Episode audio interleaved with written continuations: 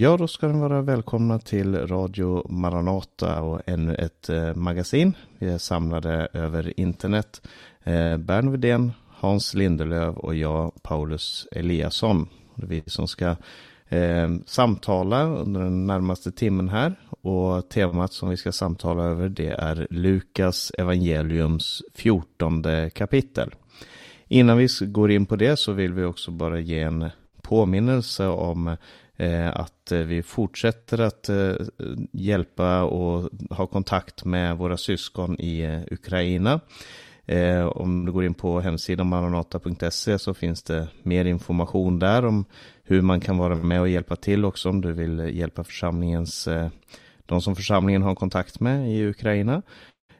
Och här i Rumänien där jag befinner mig just nu så har vi också Eh, Eh, så hjälper vi en del flyktingar och när det här programmet sänds så är jag förhoppning, förhoppningsvis på väg tillbaka ifrån Tyskland. Vi ska köra några av flyktingarna till eh, släktingar som de har i eh, Tyskland.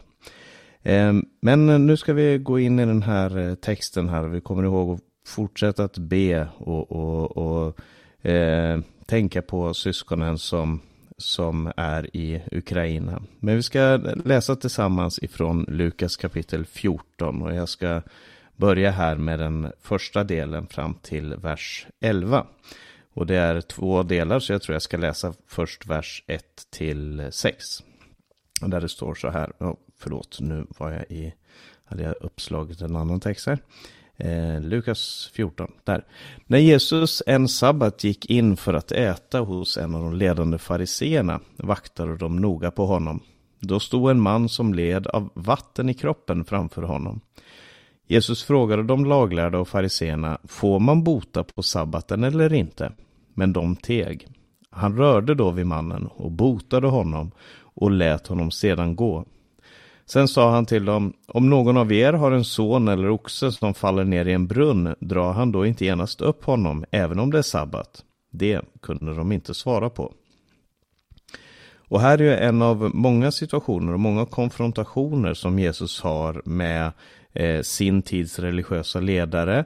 Eh, här kallas de för laglärda och fariseer som eh, ställer, som, eh, där det handlar om Jesus konfronterar dem genom att han eh, gör Guds verk på en sabbat. Och, och det här sker flera gånger. Vid ett tillfälle så är det en synagogsföreståndare som säger att eh, sex dagar kan ni komma och bli helade på, men nu är det sabbat, nu den här dagen, då ska, då ska man inte bli helad, eh, då ska man inte göra något arbete.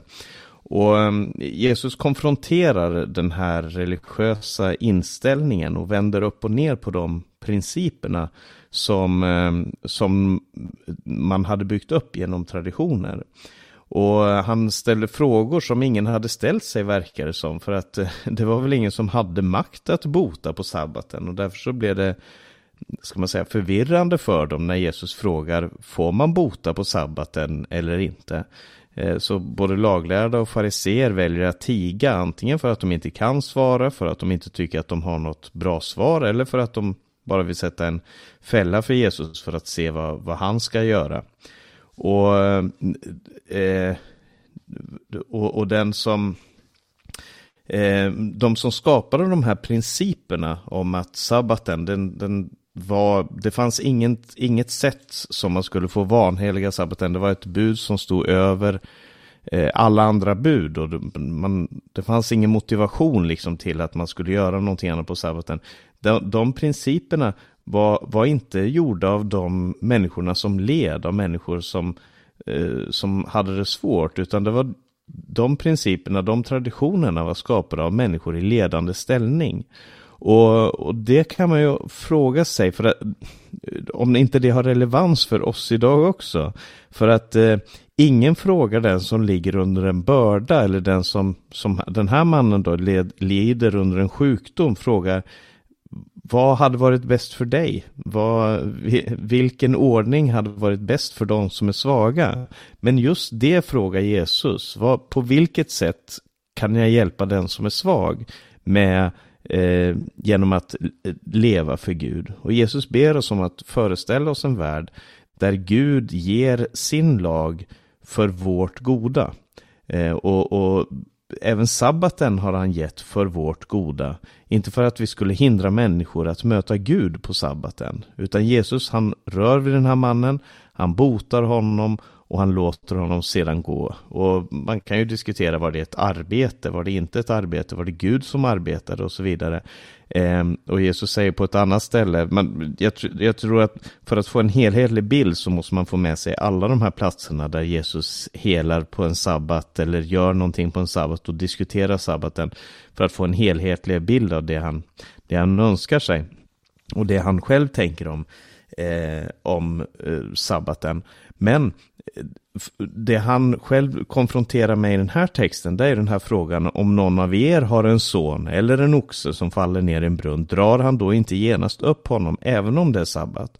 Och det verkar som att det Jesus vill komma fram till, det är att eh, det, det, finns en princip, det finns en, en grundprincip som är mycket viktigare än allt annat. Det finns en, en, en eh, princip som handlar om en människas liv, om det som är bäst för, för en människas liv, om hur man ska bli helad inför Gud, hur man ska kunna leva för Gud, som står över eh, det andra och som, som är viktigare än någonting annat. Och det är väldigt viktigt tror jag att vi inte låter våra föreställningar om vad som är rätt och fel och vad som eh, vad Gud skulle kunna tänkas eh, acceptera och inte acceptera stå över det som vi bevisligen vet att Gud önskar mest av allt, nämligen människors frälsning.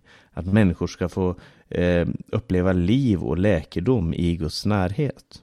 Och sen, eh, som sagt, här, som vi läste här så gick Jesus då in för att äta eh, hos en av de ledande fariseerna och det här var en sabbat. Och så han var på det här gästabudet. Det var kanske inte så märkvärdigt med tanke på att det var en sabbat. Man kunde ju inte laga mat då, men eh, något bröd och någonting att servera hade man ju då.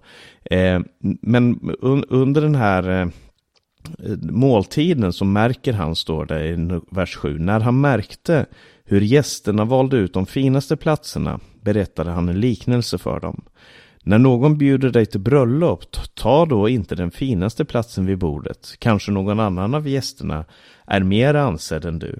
I så fall kommer den som har bjudit eh, både dig och honom och säger till dig, ge honom din plats och, du får då, och då får du skamsen ta den nedersta platsen. Nej, när du är bjuden, gå och sätt dig på den nedersta platsen. När värden kommer ska han då säga till dig, min vän, sätt dig högre upp.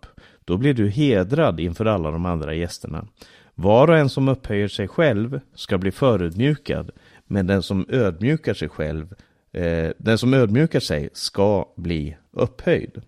Och här använder Jesus då den här eh, situationen som han är i, där han själv är inbjuden till en måltid, till att tala om ett bröllop.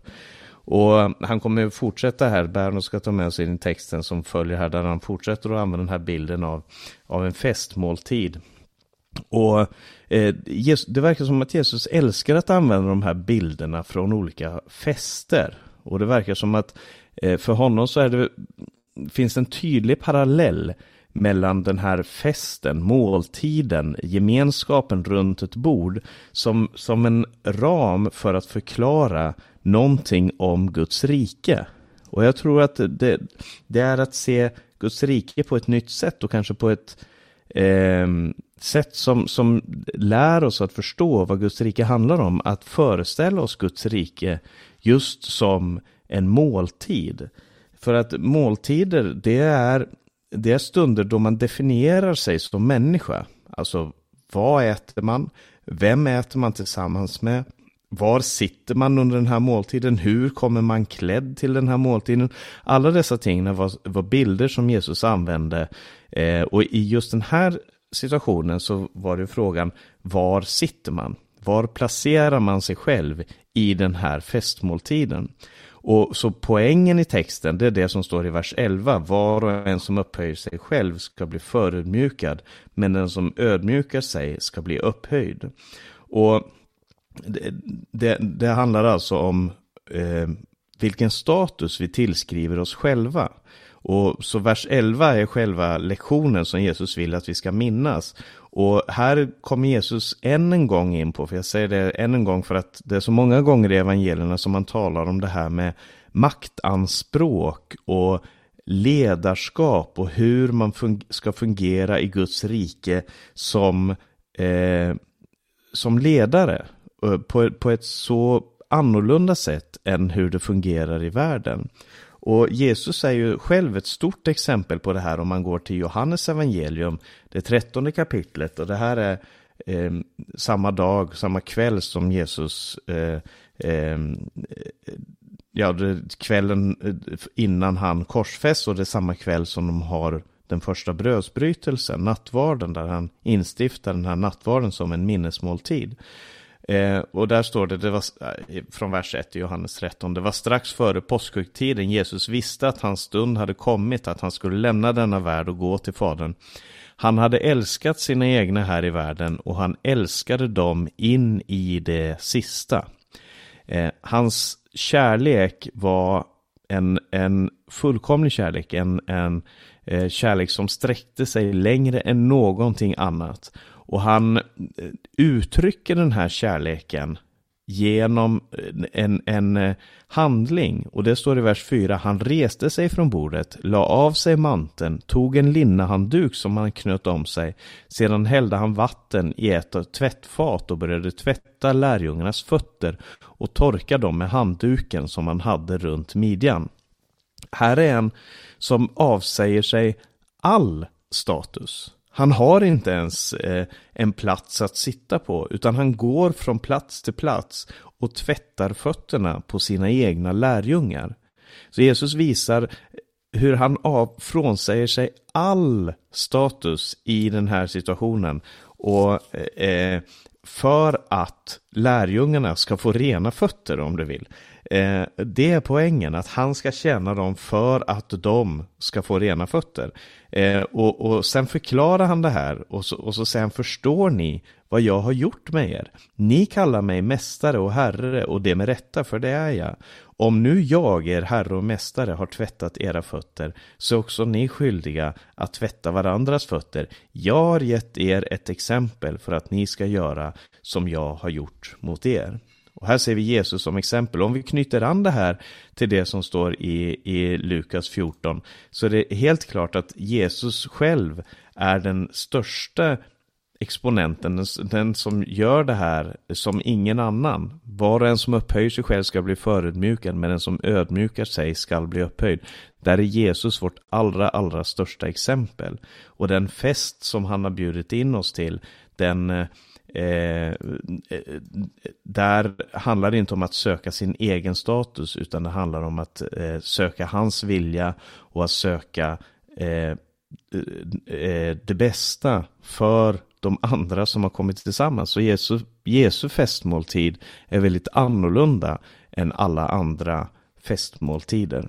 Och det var det, där, där blir människor helade, där blir människor upprättade, där får den som är eh, högst upp sitta längst ner och den som anser sig vara eh, lägst får sitta läng eh, längst fram. Det är ett väldigt annorlunda rike. Och det var mina tankar omkring det här. Eh, kanske ska överlämna ordet till Hans först om du vill kommentera någonting om det som vi har läst här först. Ja, så alltså jag tycker ju det, hela det här sammanhanget i början av Lukas evangeliums 14 kapitel, det är något profetiskt med det. Eh, du har läst nu till vers 6 och jag, jag kanske ska vänta lite med hur, vad jag förklarar vad jag menar. Men jag, jag, jag ser det här i ett profetiskt perspektiv. Jag jämför med andra eh, ställen i Bibeln. Men jag återkommer. Ja, ja men jag gör det. Eh, Berno, har du några tankar om den här första biten innan du tar oss vidare. Det jag tänker på här då, det är eh, när du beskriver dels undervisningen som Jesus ger, men också hur Jesus genom egna handlingar, genom sitt eget liv ikläder sig denna ödmjukhet. Han går ju ner under människan och lyfter människan upp. Eh, jag, jag, jag, skulle vilja läsa några versar i Filipperbrevet. Eh, just eh, när, man, när, när jag tänker på den här elfte versen som du läste. Det här att den som upphöjer sig själv ska bli förödmjukad, men den som ödmjukar sig ska bli upphöjd. Och Paulus skriver ju där, var så till sinnes som Kristus Jesus var. Han, som, han var till i Guds gestalt, men räknade inte jämlikheten med Gud som segerbyte, utan utgav sig själv och tog en tjänares gestalt och blev människan lik. När han till det yttre hade blivit som en människa ödmjukade han sig och blev lydig ända till döden, döden på korset.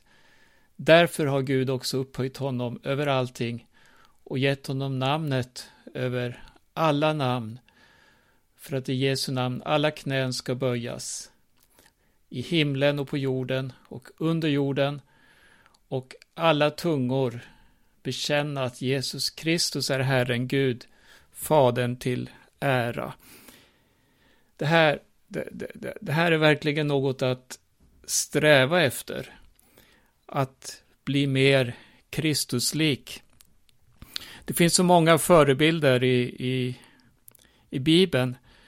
Ja, eh, det finns, eh, det finns barnsånger som talar om det här. Jag vill bli lik Rut. Jag vill bli lik och så kan man se olika personligheter som Bibeln lyfter fram med egenskaper, med överlåtelse och gudsfruktan. Och Gud vill verkligen ta hand om våra liv, forma oss och ge oss detta Jesu Kristi sinnelag. Och, och att vi därigenom får vara med och förkunna evangelium.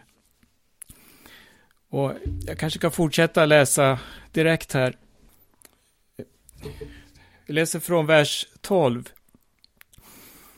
Eh, hans, han sade också till den som bjudit honom. När du bjuder på lunch eller middag, bjud då inte dina vänner eller syskon, eller släktingar eller rika grannar, så att de bjuder tillbaka och det blir din belöning. Nej, när du bjuder till fest, bjud fattiga, handikappade, lama och blinda. Salig är du då eftersom det inte kan ge dig någon belöning. Du ska få din lön vid det rättfärdigas uppståndelse. Jag tror jag stannar lite här först. Eh, Jesus talar här om att när du bjuder, alltså när du gör någonting, när du ger ut någonting utav det du har fått och har vi tagit emot Jesus i våra liv, om vi nu tänker oss att evangelium ska spridas, och det gör det ju genom ord, det gör det genom gärningar, på många olika sätt så kan vi leva ut evangelium. Det ser vi inte minst i, den nu kristna församlingen, där, där, där man var samlade osjälviskt, man sökte eh, den andres bästa, man sökte resa upp de svaga och en utjämning så att säga. Och, och då ska man inte söka att göra det för att själv då få en belöning, bli upphöjd, goda vitsord. Just det här, titta på honom, vad han är generös och så vidare. Nej, det, det, Jesus han pekar här, likväl som han gör i många andra sammanhang, när vi läser hans undervisning, just det här att, eh, eller som Lukas skriver i 19 kapitlet, hur människosonen har kommit för att uppsöka och frälsa det som var förlorat. Alltså det mest fallna, det mest åsidosatta, de utstötta. Vi kan ta aktuella situationer också. Eh, vi, vi har flyktingar som kommer i tusental dagligen. Och också här kan vi eh, falla i det här greppet att se vad gott vi gör, se vad mycket jag har gjort och så vidare. det, det är inte det som är målet, det är inte det som är objektet, utan här handlar det om att ha Kristi sinnelag när vi bjuder fattiga, handikappade, lama och blinda som det står. Och så riktar Jesus i sin undervisning eh, sitt ord till de eviga tingen, eller som han säger i bergspredikan, när han talar om att samla skatter i himmelen. Och, och det, det, är så många liknelser och så mycket av Jesu undervisning som faller på här. Jag tänker när han, han lyfter fram det här, det här i Matteus 25, vad du har gjort mot en av dessa mina minsta, det har du gjort mot mig. Och så lyfter han fram samma kategori som vi kan läsa om här. De sjuka, de fängslade, de hungriga och så vidare. Vi ska läsa eh, ett stycke till från femtonde versen. En av gästerna som hörde detta sade till honom Salig är den som får äta vid måltiden i Guds rike. Jesus sade till honom En man ordnade en stor festmåltid och bjöd många. När tiden för festen var inne sände han sin tjänare för att säga till de inbjudna Kom, nu är allt färdigt. Men alla började ursäkta sig. Den förste sade till honom Jag har köpt en åker och måste gå ut och se den. Jag hoppas du ursäktar. En annan sade Jag har köpt fem par oxar och ska ut och pröva dem. Jag hoppas du ursäktar. Ännu en annan sade Jag har gift mig så därför kan jag inte komma. Tjänaren kom tillbaka och berättade detta för sin herre. Då blev husets herre vred och sade till sin tjänare Gå genast ut på gator och gränder i staden och hämta hit fattiga, handikappade, blinda och lama. Och tjänaren sade Herre, vad du befallde är gjort och det finns fortfarande plats. Då sade Herren till sin tjänare Gå ut på vägar och stigar och se till att människor kommer in så att mitt hus blir fullt. Jag säger er, ingen av dem som var bjudna ska smaka min måltid. Det går ju ut en inbjudan och man kan ju läsa den här texten på olika sätt. Eh, inbjudan som görs, den, den går ju först då för att det finns en kategori människor här som först är föremålet. Och, och jag tänker mig när jag läser den här texten att Herren Jesus Kristus kom hit till jorden först och främst för sitt eget folk, för Israel. Och de har ju fått en inbjudan dels genom fäderna, alltså profeterna i gamla förbundet, men också då genom eh, när den här nya tiden bryter in, först då genom Johannes döparen, och sedan genom Jesus själv. Men folket, eller kanske främst folkets ledare och jag tänker på de skriftlärde, fariseerna, de, de, de, tog ju inte emot Jesus utan vände sig bort ifrån det evangelium som, som, som han förmedlade. Och så ser vi här hur Jesus han sträcker sig vidare till de som är i staden först, står det. Och, och så ser vi återigen den här kategorin av människor som Jesus också genom sitt liv uppsökte. Hämta hit fattiga, hämta hit handikappade, de blinda och lama, de utstötta. Och det här fick ju Jesus utstå mycket kritik för när han på olika sätt då mötte de här kategorierna av människor som han helst inte skulle umgås med. Men tjänaren sa att Herre, vad du befallde och gjort och det finns fortfarande plats. Och sen kommer vi eh, till, till den här 23 versen. Då är befallningen, gå ut på vägar och stigar. Se till att människor kommer in så att mitt hus blir fullt. Och, och, och det här tycker jag ljuder som en missionsbefallning rakt in i vår tid.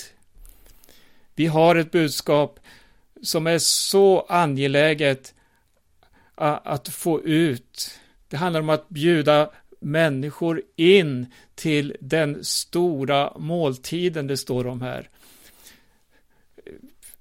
Det, för församlingen handlar det om att vi, vi ska nå ut med evangelium på det sätt som vi har fått det överlämnat av Jesus för att bjuda människor att vara redo den dag då Herren Jesus kommer tillbaka. Då vi ska få möta honom på skyn, då vi ska få träda in i själva himlen, eller vi ska, han kommer, och så står det att vi ska lyftas upp honom till mötes, och så ska vi för alltid få vara hos Herren. Eh, nu ska jag inte låsa fast det här i någon speciell eskatologi, men just det här att leva i den här tillkommelsen som att det här är angeläget, tiden är kort.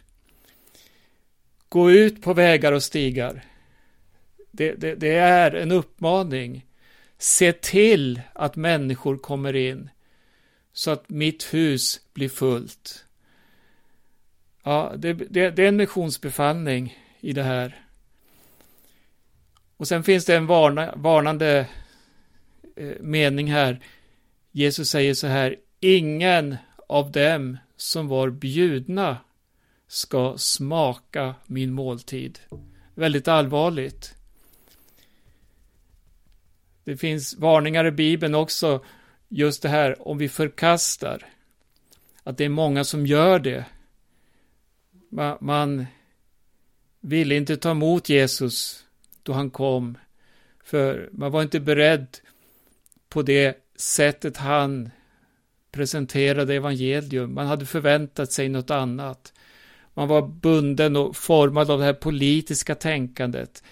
Nationen Israel och man, man såg det här inomvärldsliga.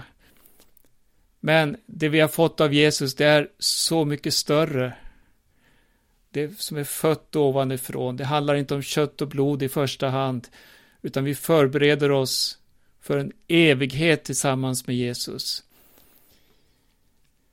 Förhärda inte ditt hjärta, står det i Hebreerbrevet, om du får höra Herrens röst. Amen. Amen.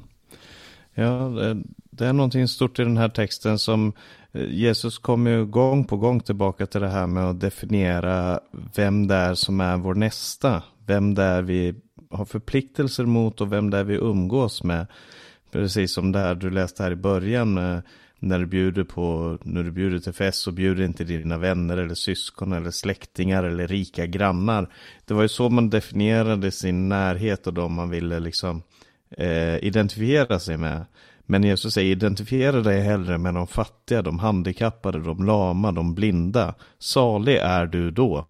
Eh, ha gemenskap med de här människorna och, och eh, sen, senare i berättelsen så kommer det här tillbaka. Gå ut på vägar och stigar och se till att människor kommer in så att mitt hus blir fullt. Det handlar om att se värdet i varje människa. Gå genast ut på gator och gränder och hämta hit fattiga, handikappade, blinda och lama. Guds stora fest, den, den består av dessa människor, dessa utsatta, utslagna, tillsidosatta, marginaliserade människorna som inga andra vill eh, bry sig om för att det, det, det skapar inte en status för dem. Men det är det som Gud önskar att eh, hans rike ska bli fyllt av. Och det tycker jag är så stort att se och det, det manar verkligen en själv att se med nya ögon när man läser den här, eh, när man läser Guds ord och när man försöker leva för Gud. Kära Gud. Eh, Hans, du kanske vill ge några kommentarer på det vi har läst hittills innan du tar med oss in i den sista delen här också. Varsågod.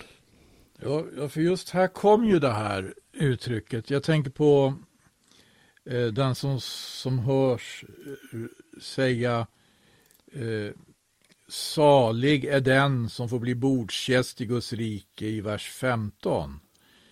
Eh, det här är ju ett utrop som vi också möter i Apokalypsen eh, i 19 kapitlet i, eh, i Uppenbarelseboken så står det ju något liknande då. Va? Det är ett rop här i nionde versen.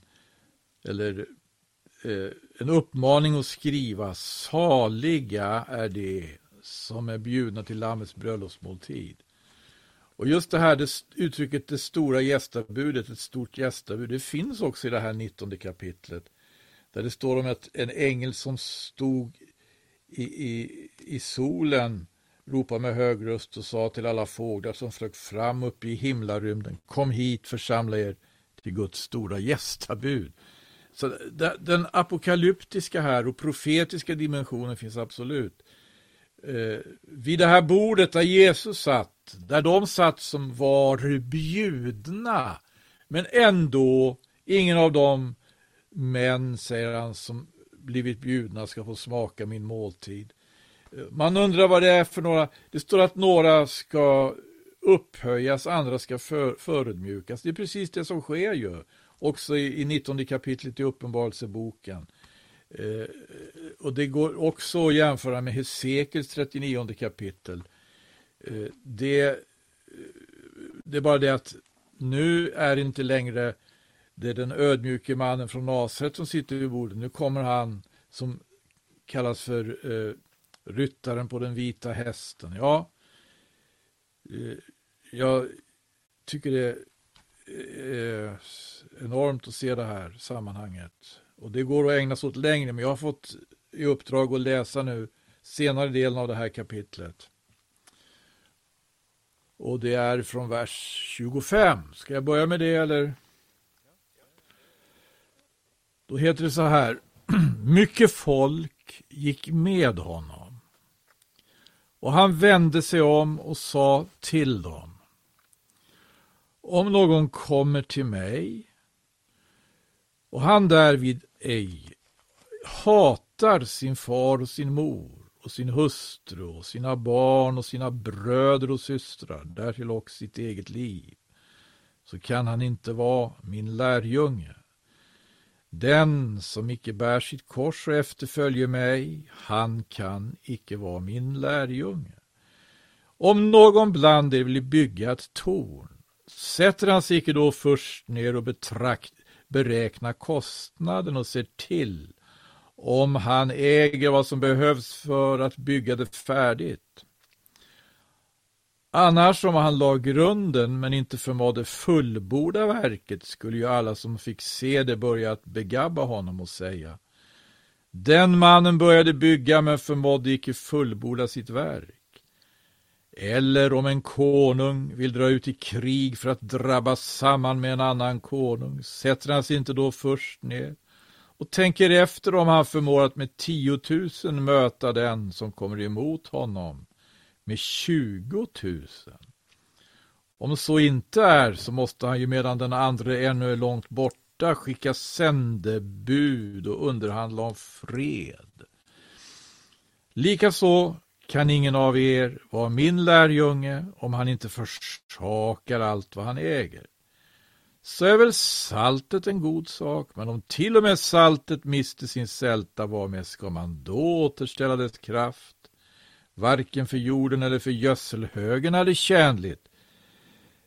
Man kastar ut det, den som har öron till att höra, han hör. Det hör ju helt samman också med det som vi har läst tidigare. Det, det, är märkligt att det här det står att mycket folk gick med honom. Och just i det läget så vänder sig Jesus till den här folkskaran och levererar ett budskap som verkligen inte på något vis kan sägas vara vad ska man säga, uppmuntrande. Eh, det talet här om att hata sin far, sin mor, sin hustru, sina barn och så vidare. Det kan knappast appellera till, till de som eventuellt på grund av att de är så många har lite grann politiska ambitioner. Men det här handlar ju om korset. Det är det han eh, kommer fram till när han säger när han talar om det här hatet. Den som icke bär sitt kors och efterföljer mig, han kan inte vara min lärjunge. Det ska alltså vara mycket mer värt det än någonting annat. Hur kärt någonting än är, så skulle det inte kunna vara mer värt än det här korset. Eller rättare sagt, han som talar om korset, han som själv eh, på ett så oerhört konkret sätt gestaltar eh, vad korset handlar om. Han är ju nämligen den korsfäste. Den korsfäste. Och så fick vi bara klart för oss vem han är. Då skulle ingenting kunna väga upp det här. Det skulle inte kunna vara någonting som till exempelvis oxar eller jordagods eller familjebildning som skulle kunna väga upp alltså att ha honom. Att äga honom. Ty om någon bland er vill bygga torn, sätter han sig inte då först ner och beräknar kostnaden och ser till om han äger vad som behövs för att bygga det färdigt. Annars om han la grunden men inte förmådde fullborda verket skulle ju alla som fick se det börja att begabba honom och säga. Den mannen började bygga men förmådde inte fullborda sitt verk. Ett torn som inte byggs färdigt, ett torn, hur man än liksom satsar på att göra det. Vad, vad, vad, tänker vi på för ton? Har vi läst någonting om något sånt ton?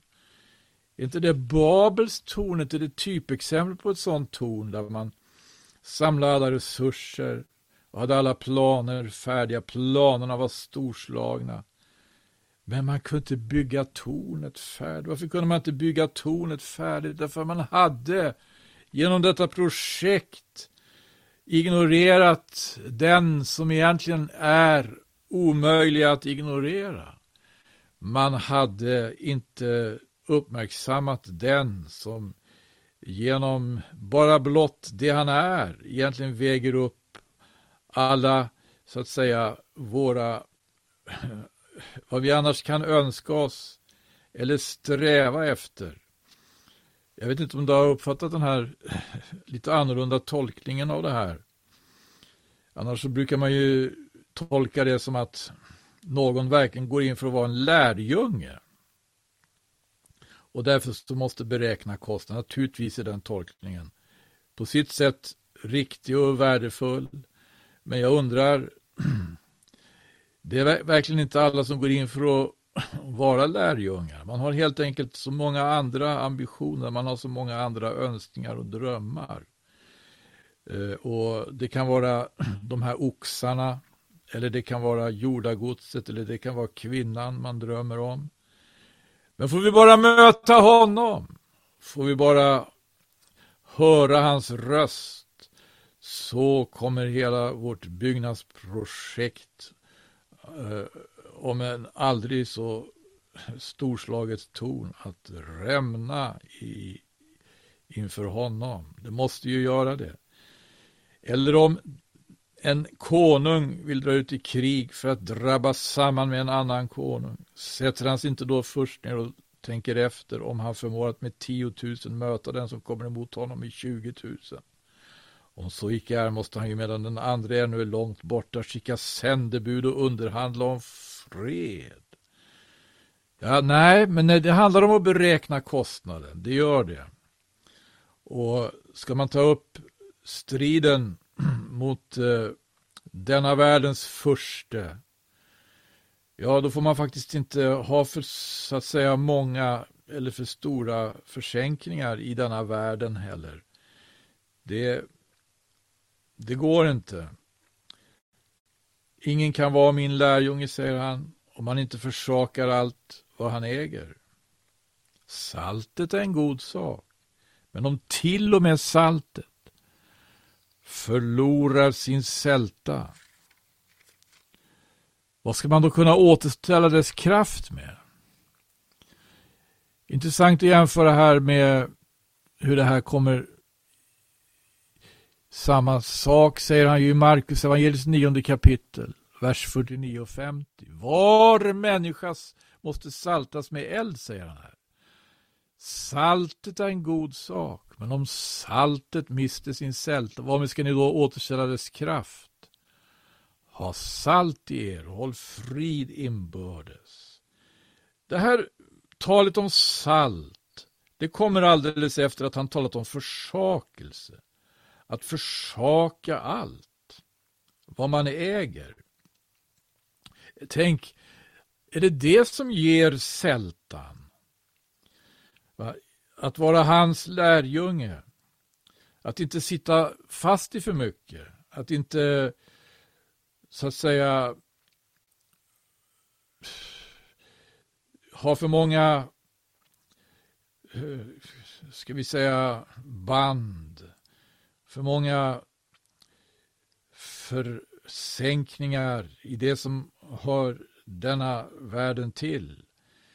Det handlar om att vara fri. Gör inte det? Att vara fri. Att vara fri.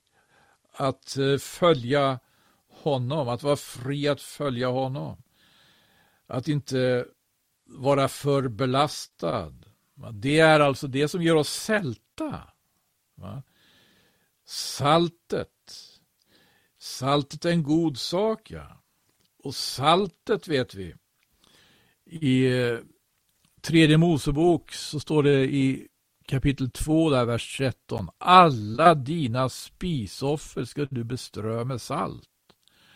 Du ska inte låta din Guds förbund salt fattas på ditt spisoffer. Till all dina offer ska du offra salt. Ett offer? Efterföljelsen, lärjungaskapet, ett liv i offer. Och det här är ju vad Markus får fram kanske bättre än Lukas. Då egentligen, det heter så här, att varje människa måste saltas med eld, eftersom varje offer ska saltas med salt. Ja. Det är den översättningen vi har i Karl XII. Det är den översättningen vi har i King James. Det är den översättningen vi har i den ryska bibeln. Vart, var människa måste saltas med eld. Eftersom varje offer ska saltas med salt. Kallelsen till lärjungaskap. Det handlar om en helig tjänst. Det handlar om en gudstjänst. Det handlar om att, eh, ja, är det aposteln Paulus som skriver om och vid flera tillfällen liknar sin apostlatjänst vid att vara en präst som frambär offer. Eh, eh, som eh, när han för människor till Gud genom att predika evangelium. I själva verket eh, Ja, han skriver, vad är det i Romarbrevet, att hedningarna på det viset blir för Gud ett välbehagligt offer. Men så finns också det här att själv eh, utgjuta sitt blod, att själv lida som eh, i, i, Herrens efterföljelse, bli martyr heter det. Va? Och utgjuta sitt blod som ett drickoffer. Det finns också i aposteln Paulus undervisning i Filipperbrevet vill jag minnas. Ja, eh, det är härligt det här med Jesus och att var fri och följa honom. Människa, se till att du blir det. Amen. Amen. Se till att du blir fri att följa Jesus. Det är verkligen sant. Jag ser i den här texten att eh, Jesus eh, nämner tre saker som är definierande för det att vara en lärjunge. Och det, det, är så allvarligt och det är så utmanande och det är också befriande som du sa här, var fri att vara hans lärjunge. Men i vers 27 så säger Jesus, den som inte bär sitt kors och följer mig kan inte vara min lärjunge. Ett korsbärande i Kristuslikhet, i självförnekande en efterföljd. Att eh, ha Jesus som, som sin ledstjärna, ha Jesus som, som eh, sin kraft, som den som, som gör livet värt att leva. Och vers 33 sätter Kristus upp mot allt annat som vi har, där han säger på samma sätt kan ingen av er vara min lärjunge om han inte avstår från allt han äger. Och det är så starka ord ifrån Jesus att man, att man nästan eh, ryggar tillbaka. Men, men eh, Jesus såg stora skaror som vandrade med honom. Men han såg en väldigt liten skara som var lärjungar. Och det är verkligen en, en uppmaning och utmaning till den som är kristen i vår tid och frågar sig själv om man är en om man är en eh, som vandrar tillsammans med Jesus eller om man är en lärjunge. Det, det är verkligen viktigt. Jag vet inte, Berno, har du några avslutande tankar här innan mm. vi avslutar vårt program? Eh, det står i en vers här, i vers 33, på samma sätt kan ingen av er vara min lärjunge om han inte avstår från allt han äger. Eh, jag tänker på när Jesus eh, träffade en ung man som eh, frågade Jesus då vad han skulle göra för att få evigt liv. Och han, Jesus började tala om buden. Och den här unge mannen sa, allt det har jag hållit sedan jag var ung. Sen står det så här, Jesus fattade kärlek till honom, eller såg på honom med kärlek och sa, ett saknar du. Gå och sälj allt du äger och ge till de fattiga, så kommer du att ha en skatt i himlen. Kom sedan och följ mig. Och det här blev för mycket för den här unge mannen, för att han ägde mycket. Och just det här, de här bibelsammanhangen, det, det är sånt man får brottas med när det handlar om, eh, Jesus varnar vid ett annat tillfälle för timliga omsorger, alltså om sånt som får eh, får övertaget, alltså som tynger ner oss så mycket och vi blir så beroende, så styrda av det materiella, av planering, av framgång eller misslyckanden. Det, det kan vara så mycket som gör att vi förlorar fokus. Men Jesus säger just det här att ha honom i centrum hela tiden att bära sitt kors och vad är då korset? Det handlar ju om försoningen, om Jesus. Det, det är grunden för vår frälsning. Det var ju på Galgata som Jesus utstod sitt lidande eh, för att frälsa oss människor. Mm. Eh, eh, en sak till. Jag kommer ihåg, det var i mitten på 70-talet, då sprang jag som ung pojke tillsammans med några kompisar då. Vi var på Gamla Bro i Stockholm. Och eh, vi brukade gå ut ibland med traktater och bjuda in till möten. Så gick, gick vi då på Drottninggatan fram där och, och sen borta vid Åhléns så kom det en man på rullskridskor. Det var lite ovanligt då.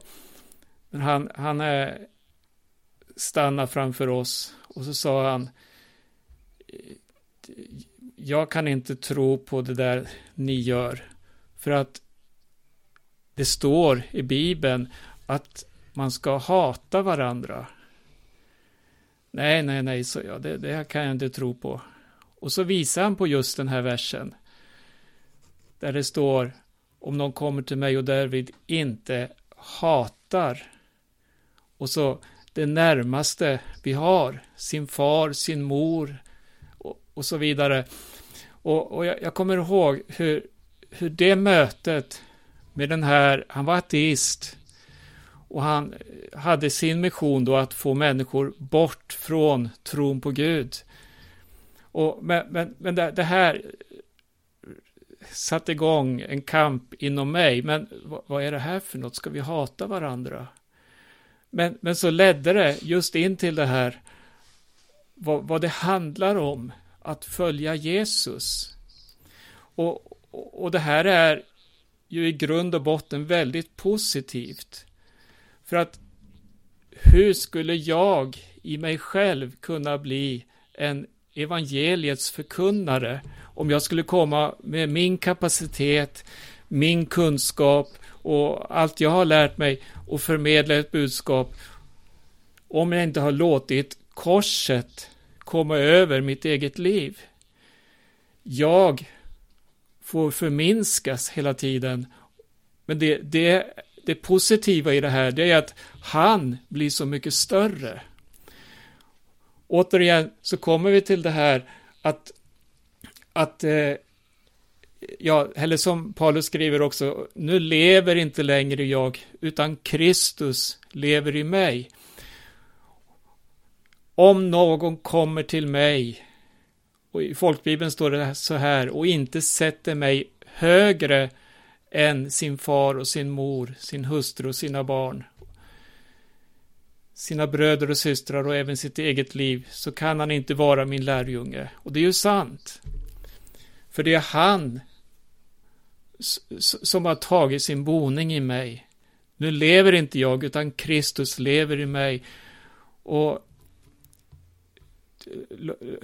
ja, vi får fortsätta att se på Jesus hela tiden och bli uppfyllda av honom, förminskas i oss själva och på det sättet så, så är vår förhoppning att människor vi möter inte ska se egentligen vem vi är, utan vem Jesus är genom oss. Amen. Amen. Amen. Ja, det får bli de eh, sista orden här. Det här är ett kapitel om lärjungaskap, följa Jesus, tillhöra honom och vad det innebär. Eh, och Radio Maranata eh, kommer tillbaka. Vi kommer fortsätta ha det här magasinet. Vi får se nästa vecka om det blir antingen Lukas kapitel 15 om, om eh, den förlorade sonen och mycket annat. Eller om det är något annat som, eh, som vi vill eh, kommer ta upp då. Men det får vi se nästa vecka. Och vi som har samtalat här är eh, Berno Widén, Hans Lindelöv och jag heter Paulus Eliasson. Vi önskar er eh, Guds rika välsignelse och på återhörande.